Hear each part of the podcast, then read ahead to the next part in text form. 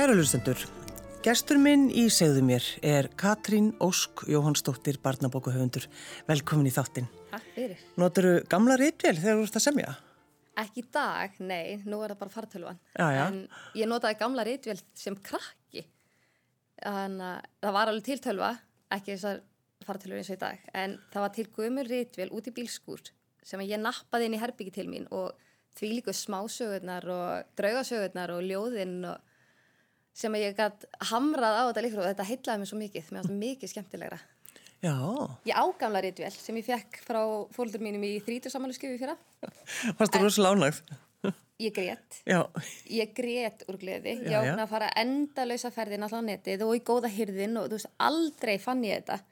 En það fylgir mér bölvun. Ef ég fyrir góða hyrðin einn, þá finn ég ekkert. Ef ég fyrir með mömmu það er.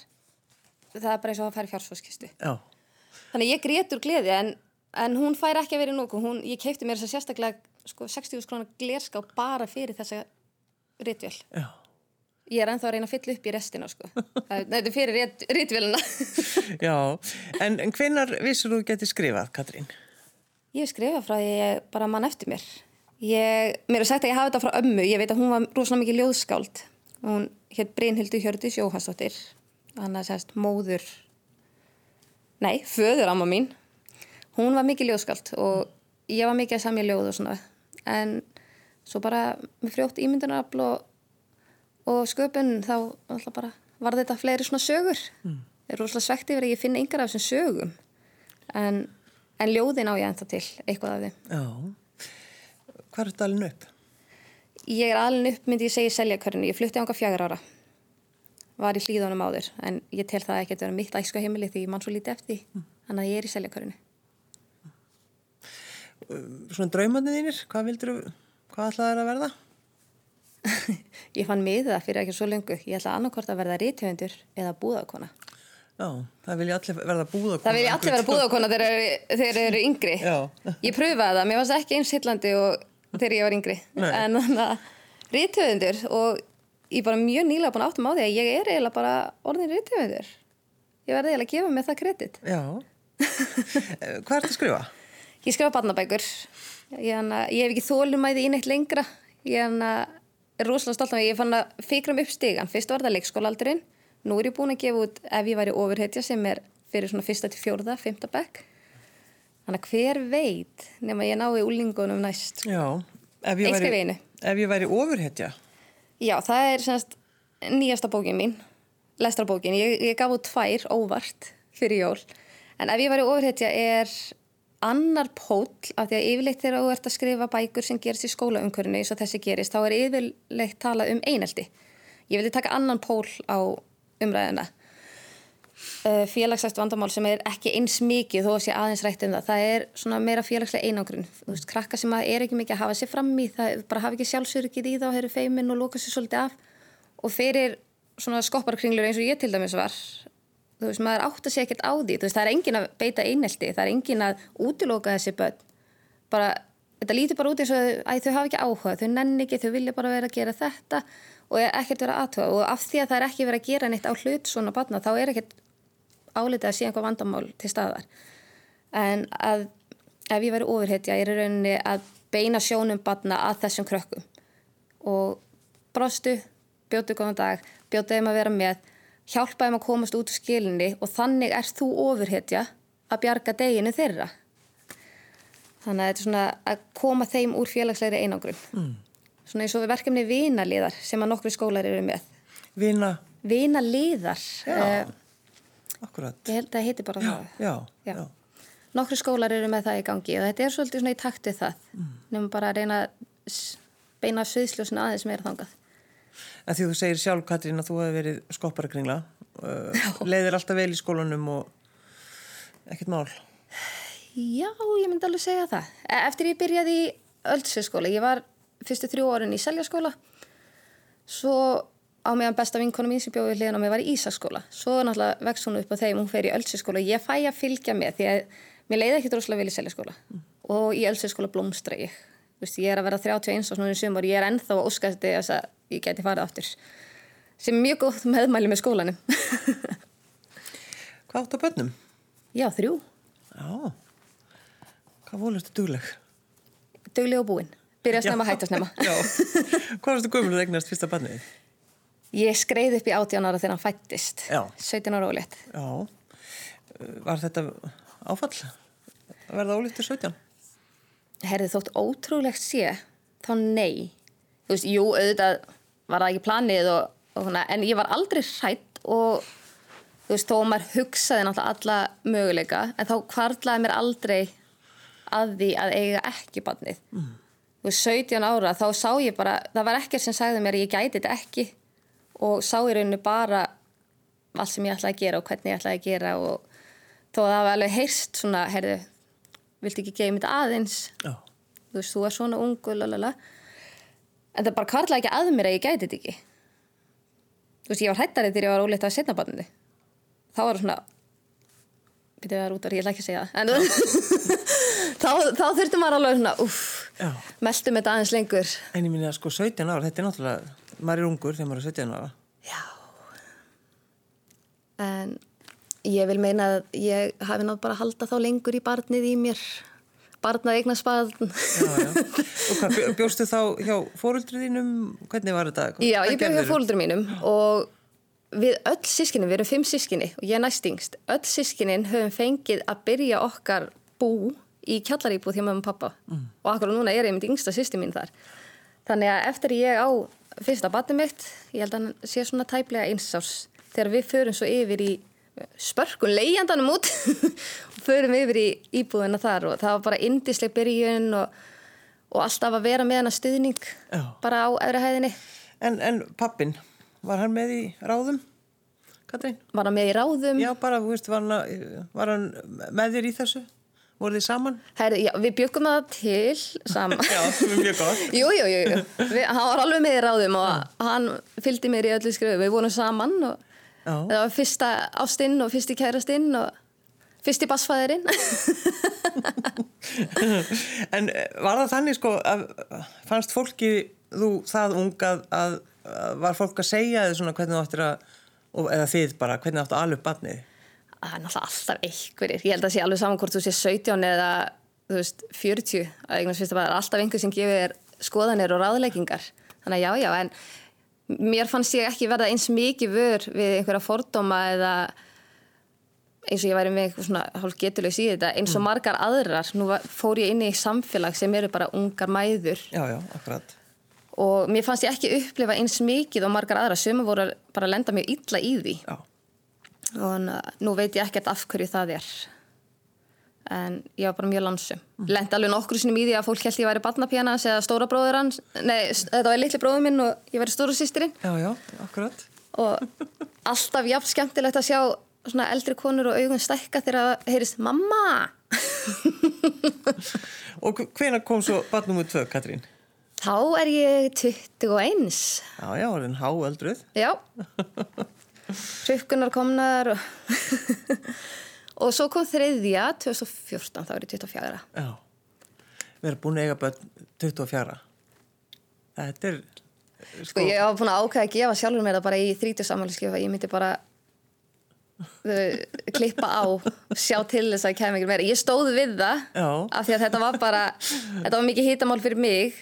Þú veist, það fóru þannig úlingsárin og tvítusárin, þú veist, að allir þessi tími sem átt að að menta sig og, og hlaupa sér hodnin og Já, ferðast og svona fór í allt annað og ég fullornaði snemma og þannig ég ákveða að ég myndi hætta snemma. já, Þannig að þegar yngsta er 18 ára þá er ég ekki nema 42. já, já.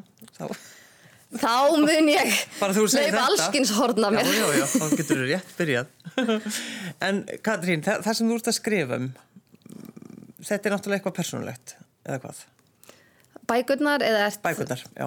Já, það er náttúrulega alltaf einhver persónleiki. Þú veist, ég reyna að hafa bóðskap í bókunum mínum og ég var einhvern veginn að spurða að því hvort að börnin væri innblásturinn sem væri ofaslega eðlilegt svar. Uh, svar er já og nei. Það er ekki það að þau eru að gera eitthvað og segja eitthvað og ég er svona, ah, geggju hugmynd og skrifa það. Heldur er það hvernig samfélag og umhverfið, þú veist, hvað vilja börnin mín alist uppi, hvernig vilja þau komið fram við aðra, hvernig hugsunahátt vilja þau tilengi sér?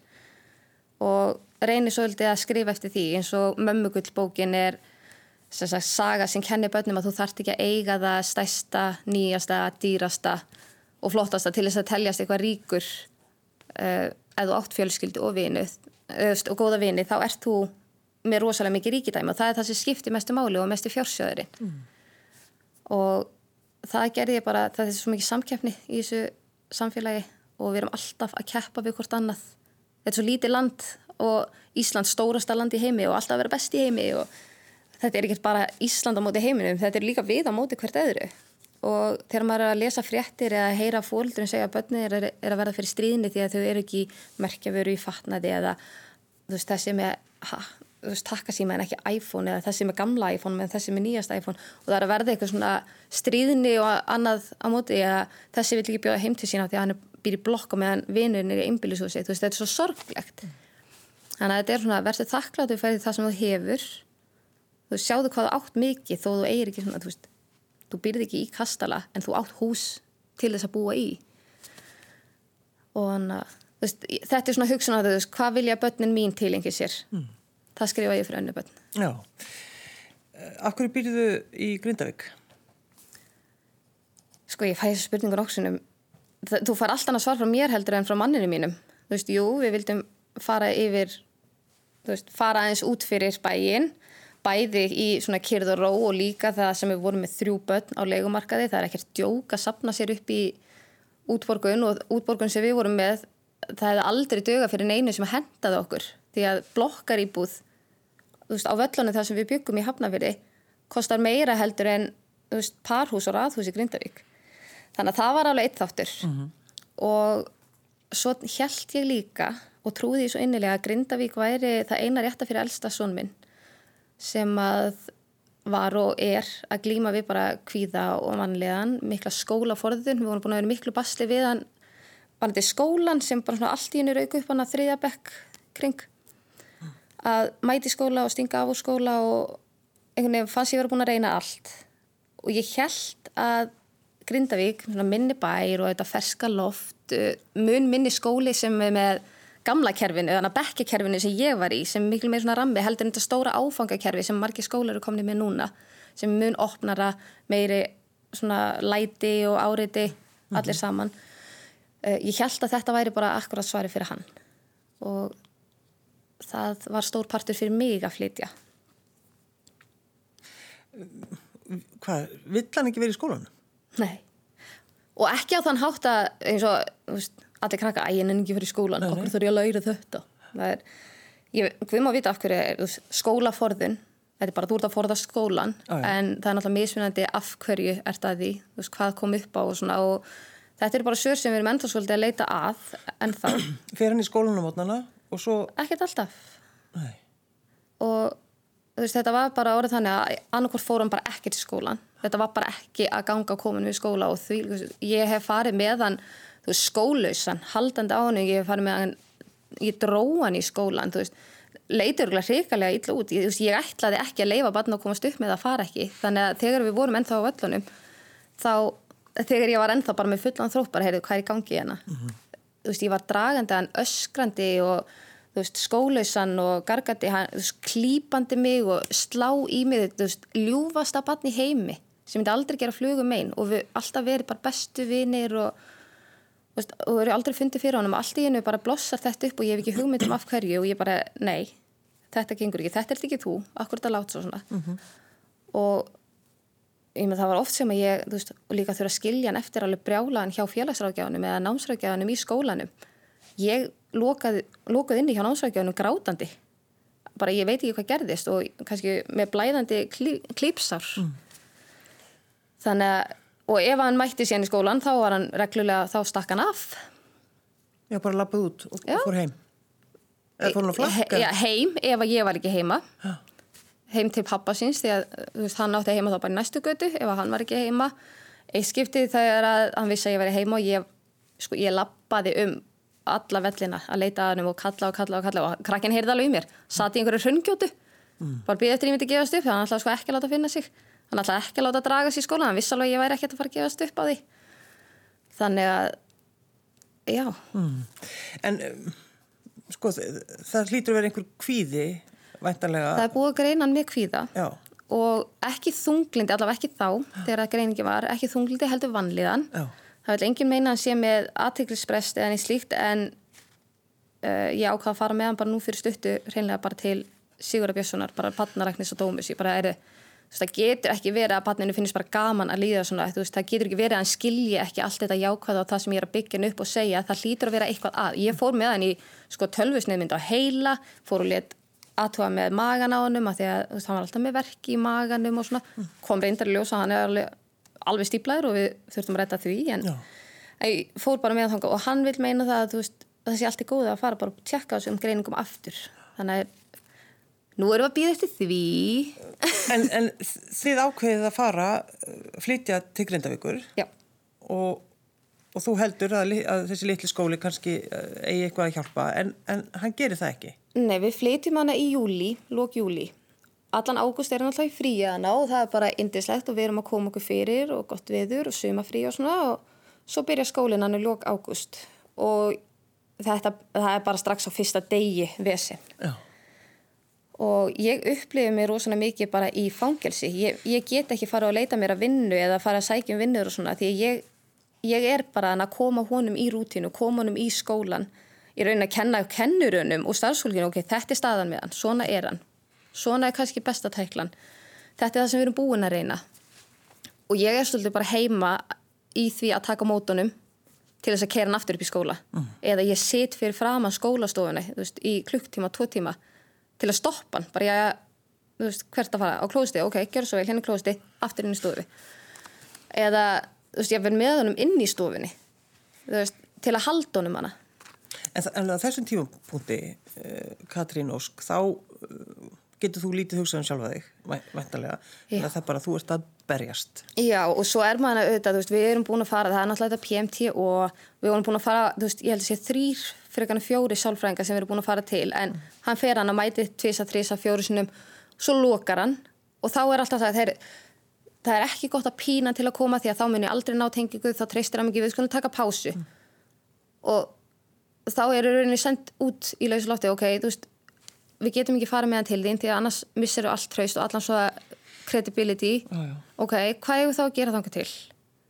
Og þú veist, við erum hann er búin að fara á svona kvíðanámskeið klóki krakkar og hann Dale Carnegie sjálfstyrkinganámskeið mörgu sinnum hef ég hringt og reynd að koma hann og ég fór mér þess einu sinni á neyðamótöku með bugl með hann. Þá var hann á tímabili talað mikið um að vilja deyja og þegar hann tók upp beittan hníf fyrir fram að mig og beinir að sér og öskandi og gráðandi talandi um að vilja deyja og bara, ég hef oft gert þetta mér þess að þegar þú ert ekki heima eina sem bjargaði mér var að vini mínu voru hann og ég vildi ekki ræða þá. Og þú veist, þetta var rosalegt áfall og ég ringi neyra á bögl og bara, þú veist, ég þarf að koma núna og fæ að fara á neyðamótökuna við spjöllum hana eitthvað við þau og ég útskýri þú veist, þetta er það sem hann sagði og þetta er það sem hann gerir svona hagar hann sér, hann er ofta að skalla veggi og svona að reyna að meiða sig. Og svo talaðu þau aðeins við hann í einrúmi og koma svo með niðurstöðu. Þau geta ekki gert fyrir mig því að þau halda hann sé ekki að meina þetta þetta er bara að kalla á aðtekli og ég þarna ennþá nánast hitandi við það að barnið ok og hvað á ég þá að gera? Er þið tilbúin til að taka sjansin á þessu? Hvað ef ég kem hérna eftir viku barnið er ekki meðal okkar lengur? Af því að þið heldur að hann væri bara helduð að hann væri bara að kalla á aðtegli hvað er er þá að gera? Og þrísvar held ég viðbót, tvísvar eða þrísvar viðbót var ég grátandi í símanum við bukl bara getið þið tekið við honum? Ég veit ekki hvað ég á að gera. Við erum búin að fara þessi námskeið og þessi námskeið og þessi námskeið. Við erum búin að fá stopp þarna. Hvað á ég að gera? Og nú er ég alls ekki að tala illa um bukl og starfið, þau vinna örgulega frábær starf. Og ég segi örgulega því ég hef ekki fengið að koma tá- tánum hana inn en það er bara kerfið er bara þannig, það er svo rosalega mikið af börnum á bygglista og ef að barnið mitt komst ekki inn á þennan lista, komst ekki inn á radarinn guðum að vita hvað önnu börn er þá gangi gegnum sem að hafa forgangan inn. Bara ég, ég finn svo til með þeim og fórun þeirra ef að barnið mitt sem að var í þessum aðstæðum náði ekki í rauninni að komast inn fyrir þessa línu. Og byð, þessi bygglistar eru að verða til þess að þú veist, börn er ekki að fá hjálp. Nei, nei. Og ég held í alveg að þessi bygglistar séu einmitt að þetta eru börn sem hafa verið með svona kvíða, ofanlegan eða þungliti, nákvæmlega eins og patni mitt. En af því að þau voru ekki að fá hjálp að þá bara snjóboltast þetta og það stækkar vandamáli, það verður rótgrónara. Hvað ef það verður svo bara óafturtækt, hvað ef það er ekki hægt að náði nógu mikið tilbaka?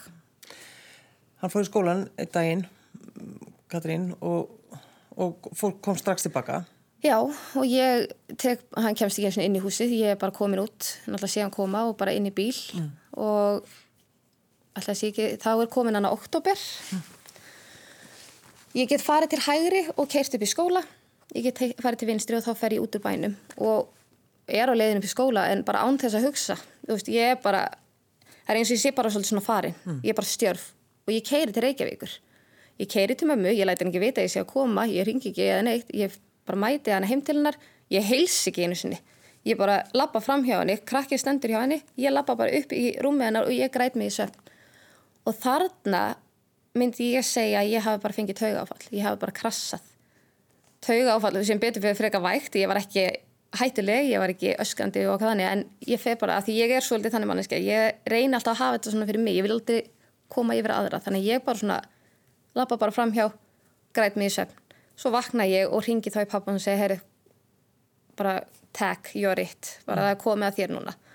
Þá er ég búin að vera sko, var að sjálfsög virkuð pappi er búin að taka þátt í hlutum en barni bjó hjá mér og ég sá rosalega mikið um þetta. Alla skólagönguna auðvitað Já, hann bara, hann áttaði sér ekki á því fyrir en hann var búin að búa hjá honum þarna í smá tíma þegar ég fæ, þú veist, mér fannst ég alltaf vera svolítið að berjast og berjast og berjast og svo kom veist, aldan yfir mér og allt sem ég var búin að gera skólaðist í burtu.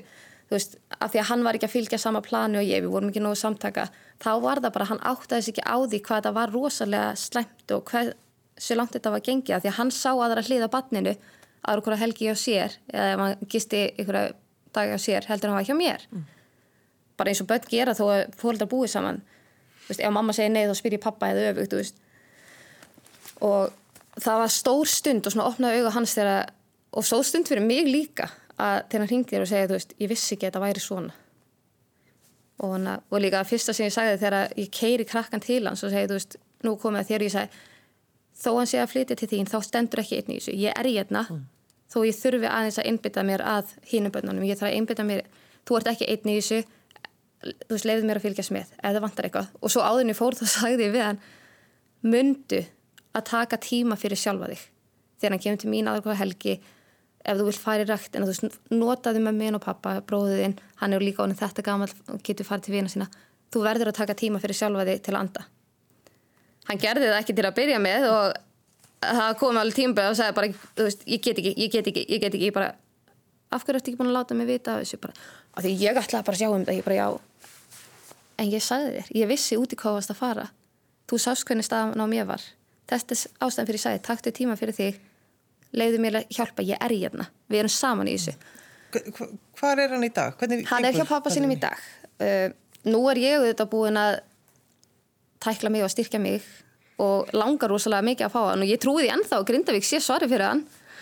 En Öldsiskóli gamli skóli minn hann er í honu núna og er fyrsti skólinn sem er virkilega að tækla og virkilega að vinna með honum og bara það sem að þau eru að gera þarna fyrir hann og auðvitað eru byggðlista þú veist það er byggð eftir öllu en bara það að sjá að þeim er ekki sama. Mm.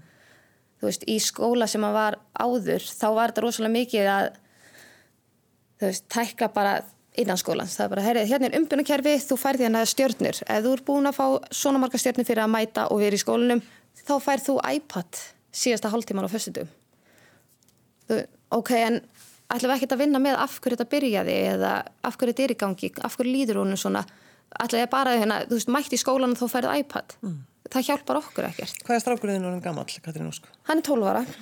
Hann verður 13 ára þá í ágúst. Ég trúi því ekki að ég sé að fara að ferma næsta ári. Jú, það er vegna að þú byrjaði svo snemma að eiga börn. Ég er nýfermt.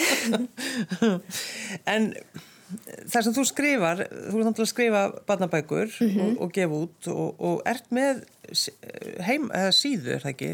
Óska... Óskar Brunnur .is, þetta er ekki stafsyningavilla Óskar Brunnur, þetta er að því að ég heiti Katrín Ósk og þetta er hinn ótæmandi brunnur af hugmyndum. Og þar ertu með til dæmis, þú ert með dagbók sem þú varst að gefa út. Já, ég hef náttúrulega gegnum árin endalaust lesið bækur og greinar, horta á heimildamindir, hlusta á fyrirlestra og, og viðtöl og ég veit ekki hvað og hvað með bara jákvægt viðhorf og svona attitút með andlegt heilbreyði og þú veist hvernig er best að þú veist ná sér upp og vinna með sjálfa sig og hugafar og, og búin að náttúrulega segja það endalist og reyna að byggja hann upp. En fallegust orð þau bara fljúa beint í gegn Já. þegar þið líður svona illa. Hann heyrir ekki þegar þú Hann heyrir þetta en hann meðtekur þetta ekki. Það er, það er munur á að heyra og hlusta. Mm. og þegar ég í rauninni krassaði alltaf þá ákveð ég að taka svolítið allt sem ég er að reyna að fá hann til þess að segja og gera og tilenga sér og tilenga mér það. Af því ég sá það þarna í mitt. Ég var ekki búin að gefa sjálfur mér tíma og ég var ekki búin að taka stöðuna sjálfur mér í nokkur ár þarna. Og þarna er einmitt svolítið svona COVID að byrja og hann ákveð sérstaklega eftir ég missi vinnuna út af því ég, ég var að vinna í bláa lóninu og ekki mikið að gera þar. Nei, nei. Að ég set upp dagbók, bara stílabók það er bara dagsending, það er vekjara klukka bara um leið og krakkarnir fara, þá er bara ringið vekjari bara minna mig á dagbók mm. það er bara, ég er þakklátt fyrir og bara allt sem er dætt í hug og ég er og kostir yfir mig sjálfa mm. og reyna alltaf að finna, þú veist, að sjálfsögum á endur taka sig, það styrkir bara þá hugsun en að reyna að finna og kafa dýbra og kynna sjálfur þér og, og rína í þig og sjá hvað það hefur mikið að bjóða, mm. af því að maður er svo snöggur að berja sér niður og ég sá strax á þriðja degi hvað þetta gerði mikið fyrir mig. Ég var fann að hlakka til að skrifa dagbókina. Yfirleitt, þú veist, ég þurfti eiginlega ekki þessa vekjarklukku sem er mjög, þú veist, ég, þeir sem þekkja mig, ég er alltaf með svona 8 til 9 vekjarklukkur á hverjum einasta degi því ég man ekki hluti öðruvísi, en þetta myndi ég. Alltaf minna, þú ætti alltaf að minna það á. Alltaf. Það er bara það kerfi sem virka fyrir minn svona ADHD heila. Já, já. En, en þegar ég sá hvað þetta gerði fyrir mig, þá svona kveiknaði ljósapera. Bara þannig er þetta, þetta er verklegt og þetta er svona haldbært, þú veist, þú ert að koma við þetta þetta er endutekning og einmitt get lesið yfir þetta aftur og, svona, og kveikna þessi hugmynd bara þetta gæti virka fyrir strákjuminn og bý til dagbók. Og ég set aðeins meira í hana. Ég hugsa í rauninni allt sem að mér vantar fyrir hann. Veist, ég set þakklætið mm -hmm. og það er bara til þess að vera næjusamur og losta við þess að streyta og vera alltaf keppastu aðra. Ég set sjálfstyrkinguna, bara hvað eru þínu kostir, ég set skamtíma og langtíma markmið af því að hann var bara komin á það, þú veist, hvað er pointið? Þú veist, af, ég, bara, ég vil ekki vera eina, ég hef enga tilgangina tilgangsleysi og markmiðaleysi veldur þungliti þá hef, hefur ekki þetta stefna að. Þannig ég setti það inn og ég setti inn fjölskyldistund og það var af því ég var komin á þá punkt ég var döðrætt, bara barnið mitt er hérna 12 ára gamalt, 11-12 ára. Hvað ef hann reynir að deyfa þessa tilfinningar með því að leita í eitthvað þannig byrjar þetta hjá svo rosalega mörgum. Og það er bara sannað að góð samskipti og tengst og samvera með fjölskyldu minga líkunar að því. Og það er alltaf verði að koma með má ég vera heima, nenni ekki, eru að fara heim? Það er af því að ég var svo örvendingvöld, ég var alltaf að reyna að haldi lillabarni mitt. Hann nendi ekkert lengur að fara út á róló eða í hústýragarðin eða sund til að fara í rennibröyti þannig að ok, skrifaði niður hérna hvað finnst þér gaman að gera saman það var að lita saman, það var að fara í Nexus, það var að horfa á bíómynd og kynnast manneskjöldin sem hann var orðin og hitt hann í hans áhugamálum til að búa til þessa góðu stund án þess að vera með þessa tókstreitu bara og pyrring, bara ég, ég vil ekki vera verði ég að koma að segja, bara hættu þessu, taktu þátt mm. þannig ég tók það og svo er það hrósi til þess að passa upp á samskiptin, veist, það er nokkur atriðana en hvert eitt og einasta atriði er með ákveðin tilgang, það er ástæði fyrir ég sett hann í dagbókina og ákveðin áhrif sem ég minn að hafa. Og þetta eins og ég geti talað svo dögu skiptir um þetta sem er ástæðin fyrir því að ég er núna uh, ég kom með logoið og ég kom með stúdíu og allt svona, ég er að fara að taka upp hlaðvarp sérstaklega fyrir þessu dagbók. Þar sem ég tek í hverjum þætti teki eitt atrið fyrir sig og útskýra af hverju þetta er þannig og hvernig er best að nýta dagbókina? Ég var að fá fyrirspurning frá fólkdrum bara, dóttur mín er ekki alveg viss hvernig hún á að svara þessu, henni finnst þetta hérna og svona svona, Heyri, hvernig get ég útskilt þetta? Bara, ok, þetta er kannski alveg eins klift og skorið fyrir, man, fyrir börnir sem eru með eiga til að mikla þetta fyrir sig eða fyrir fullona sem að bjó ekki til bókina. Fyrir mér er þetta common sense. Þannig að ég ákvaða að ég ætla að búa til hlaðvarp og það er bara, ég er að fara að taka upp. Svo bara hversu hversu fljótt einhver annar getur klifta til og setja tónlist. Hvernig það kemur út. En sko, Katrín, þetta sko að, að gefast aldrei upp. það er ekki bóði þetta er batnið manns. Þú getur ekki gefist upp. Og alla mæður og feður þú veist, þeir, sem er að hlusta á þetta þeir sem er að gangi gegnum þetta, þeir sem er að þjást í þögn af því að við erum alltaf í þögninni það má aldrei neitt vera að. Ef batninu líður illa þá er það þér að kenna það er ekki rétt neyðin kenni naktri konu að spinna. Ég var ekki að fá aðgang að neittni hjálp. Það sem ég fekk aðgang að var ekki rétt fyrir hann. Það var ekki að ganga fyrir hann. Það sem hann þurfti, hann komst ekki að. Hvað get ég gert? ok, ég get bara byggt hann upp. Það er ekki nóg að segja það því hann, er, hann meðtekur það ekki. Hvernig get ég gert þetta? það er bara að finna annað sjónahótt þetta er það sem virka, ég manna þegar ég var að lesa fyrir próf. Ég þurfti sko að lesa textan svo þurfti ég að glósa niður með blíjant og svo fór ég ofan í með penna. Stundum, ef þetta var erfið próf, þá meira segja bjóð ég til spurningar. Skrifaði upp í tölvu, spurningar, sör, prenta út og svo voru vinkurnar að hlýða hann er yfir, þetta var svakalegt ferli. En þetta líka síðaðist inn. Skrifaður fyrst með blíjant og svo... já, já, já, þetta, ég myndi aldrei ennast í dag.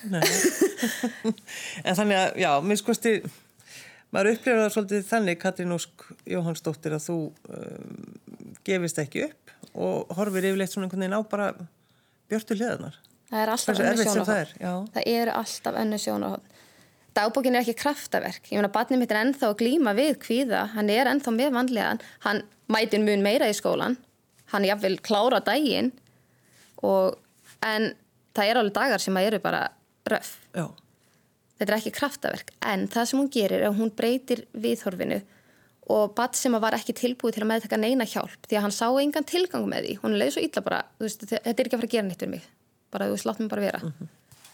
Hann var tilbúin til að fá hjálpina hann var tilbúin til þess að gera þetta. Að, og ég tók eftir því svona, ef þú vilt eitthvað svona auðvelt til að svona, herðu ég ringi í hann daglega. Æ, æ, ég veit ekki. Nei, ég get ekki neitt, já, fínt, nei, ó Svo var ég fann að ringja hann og bara, hæ mamma, æ, ég er bara að hitta vinnu mína. Já, ég fór í skólan. Ah, ég náði reyndar ekki að vera alveg, ég fekk að fara aðeins fyrir heim, en ég gerur svona svona. Já, ég náði að vera alveg daginn. Ja, nei, ég fór ekki í dag af því að mér leið svona, en ég ætla að reyna aftur á morgun og þú veist, allt ínum var að koma upp á herri tíðni og já, hvað býða í nokkra daga þannig að ég segi einhvað við hann, því ég vildi sjá, er þetta bara dagurinn í dag eða morgun, þú veist, er þetta eitthvað áfram? Síðan segi ég við hann bara, ertu búin að átta þig á því breytingunni á þér ef, þú, ef það er eitthvað bara svona þreifanlegt. Heyrir um munin að því hvernig þú talar? Og hann talaði sjálfur um það veist, það er auðveldar að vakna á mótnana og eins og segi, hann mætir í skólan og hann gerir bara sitt besta. Það er ekki þannig að þú veist, mætir í skólan og hún líður umulega því að hann veit að hann þarf að pína sig til að vera þann til þrjú, heldur er það bara, fyrir mig hugafæri bara ég gerir mitt besta. Að gera sitt besta, það er nú bara, það er svolítið gott. Þannig að breytingin er viðhorfið að hann er tilbúin til þess að vinna að þessu frekar en að sjá engan tilgang og loka sig af. Katrín Ósk Jóhannsdóttir, barnabókahöfundur og móðir, takk fyrir að koma. Takk fyrir mig.